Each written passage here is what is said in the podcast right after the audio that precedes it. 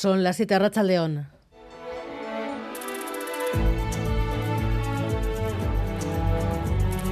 Gambara con Arancha García.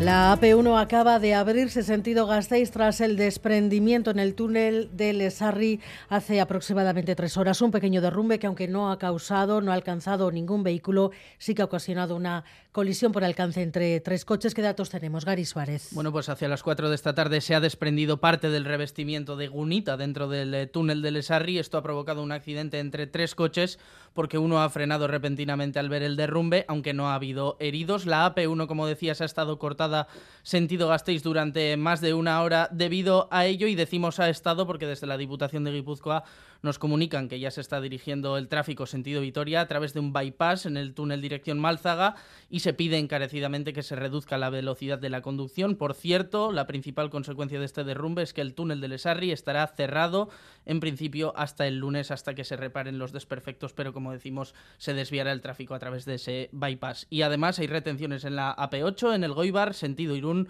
por una colisión entre tres vehículos hay un herido. Y Día de la Memoria, con acto a esta hora en la sede de Gogora en Bilbao y la presentación de lo que podría ser un primer paso para un mínimo que pueda ser compartido políticamente. Víctimas e historiadores han elaborado un informe de bases tras meses de reflexión y decenas de entrevistas. Revisión crítica y autocrítica del pasado. La mirada al pasado no nos garantiza la no repetición de lo ocurrido en el futuro, pero la historia parece demostrarnos que las sociedades que revisan de manera crítica y veraz su pasado tienen más garantías para esa no repetición.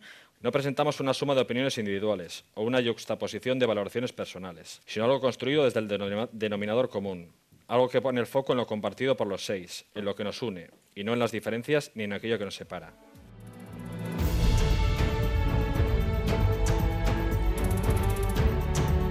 Enseguida vamos a la sede de Gogora para ver cómo está discurriendo este acto, pero Amaya Portugal, Bruselas, el ministro de Exteriores acaba de finalizar su reunión con la presidenta del Parlamento Europeo y ha confirmado que la petición para que el euskera pueda utilizarse en la eurocomada está cursada, aunque, según Álvarez, hay algunas dificultades técnicas. León. Sí, Arachaldeón. El gobierno español asume la presidencia del Consejo de la UE en julio del año que viene y Álvarez ha venido a Bruselas para avanzar con los preparativos. Y uno de los hitos de esa presidencia podría ser el habilitar el uso del euskera catalán y gallego en los plenos del Parlamento Europeo. A comienzos de curso, Moncloa envió una carta con esta solicitud a la presidenta Roberta Mechola y con ella se ha reunido Álvarez. Asegura que su recepción ha sido buena, pero que hay varios factores efectivamente a tener en cuenta. José Manuel Álvarez. Ella me ha trasladado que hay unas dificultades de tipo técnico, literalmente el espacio para las cabinas de traductores, hay una serie de adaptaciones que hacer. Por supuesto no es una decisión de España, la petición está hecha, tampoco es una decisión exclusivamente de la presidenta, pero yo le he trasladado el deseo y la necesidad de avanzar, aunque al final, como le digo, es lo que llamamos en España la mesa del Parlamento la que tiene que tomar la decisión. La próxima reunión de esa mesa será el 21 de este mes, aunque no está confirmado que este asunto se vaya a tratar en ella. Los socialistas son mayoría en esa mesa, pero pueden ser claves los tres votos populares, más el de la propia presidenta Mechola, o los tres de los liberales, grupo en el que se engloban tanto Ciudadanos como el Partido Nacionalista Vasco. Y Grande Marlasca no se plantea dimitir, y eso a pesar de que las evidencias que se van conociendo desmienten la versión oficial sobre las muertes en Melilla. No me he planteado dimitir en modo alguno.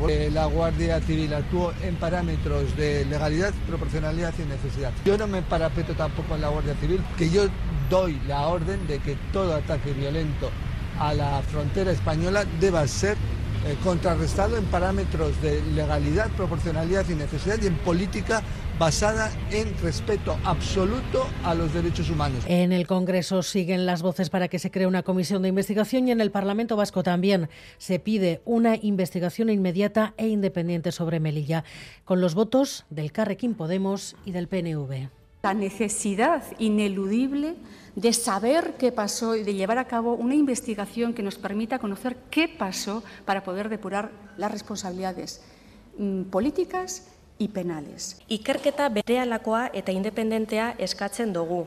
Gertakaria argitu, erantzunkizunak garbitu, biktimen erreparaziorako neurriak esarri behar dire. Edozein estatu demokratikoren helburua Un pronunciamiento que ha evidenciado las diferencias entre los socios de gobierno en este tema con enfado indisimulado del PSE.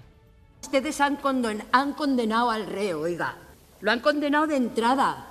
Ustedes hablan de que el señor Marlasca miente. Ustedes son, una, eh, son un grupo, eh, en fin, hay que tener un respeto, primero por los acuerdos y primero por el gobierno del que se forma parte. Y en el Parlamento de Navarra acaba de terminar el Pleno de Política General, el último de la legislatura. Bien Arangó, Arrachaldeón. Arrachaldeón y María Chivite ha dejado un mensaje claro en ese debate. Su gobierno útil en la centralidad tiene voluntad y vocación de continuidad quiere eh, continuar liderando un gobierno progresista más allá de las próximas elecciones. Mensaje de Chivite que comparten eh, sus socios de gobierno, aunque ven luces y sombras eh, en esta legislatura y le piden más medidas, exigencia, por ejemplo, de Geroabay en autogobierno o euskera con incumplimientos que ha criticado Ushue Barcos o en materia también de fiscalidad por parte de H.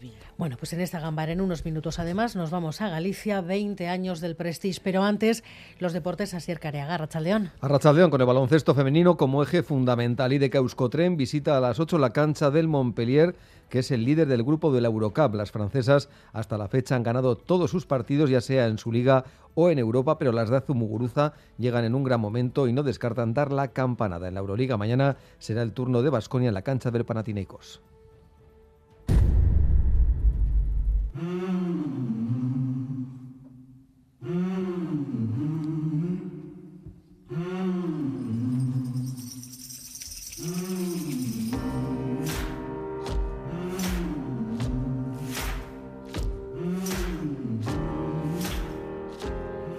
se ha escrito mucho, pero nunca antes se había contado su historia con todo tipo de detalles como se está haciendo ahora. Os hablamos de Osel, el niño de la Alpujarra, que en los 80 fue enviado al Tíbet convencidos de que era la reencarnación de un lama. Aquel niño hace tiempo que cambió el monasterio por Ibiza y ahora ha contado toda su verdad. Xavier Madariaga. 1986. La imagen de un bebé de apenas un año da la vuelta al mundo. Era la única persona occidental declarada por el Dalai Lama como la reencarnación de un maestro budista. María, ¿usted está absolutamente convencida de que su hijo es la reencarnación del Lama o tiene dudas? No, para mí el convencimiento fue gradual, poco a poco fui viéndolo. Los medios de la época tampoco podían creer lo que veían, y mucho menos entender cómo los padres pudieron enviar al bebé a un monasterio tibetano. Pues yo también con tanto niño Tampoco es que le eche mucho de menos particularmente. El pequeño Osel vivió en el templo hasta la mayoría de edad y ahora, en una serie documental de una conocida plataforma, cuenta por primera vez lo que le tocó pasar. Se sintió abandonado. Fue difícil aceptar el hecho de que mi madre me había de alguna manera vendido. Se le prohibió casi todo. Yo tenía prohibido hacer deporte, tenía prohibido escuchar música, ver pelis. Tenía prohibido hasta comer acompañado. ¿Por qué yo tengo que comer solo? Se le obligó a estudiar todo y más. Yo con seis años estudiaba ocho horas a nueve al día. Y así, alcanzados los 18, dijo basta. Fui del monasterio directamente a Ibiza. Las raves, las drogas, Osel lo probó casi todo.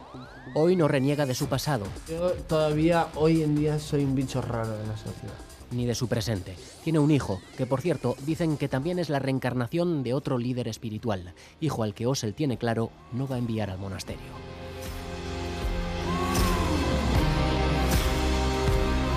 Miguel Ortiz y Alberto Zubel ya están en la dirección técnica, Cristina Vázquez en la producción. Comenzamos.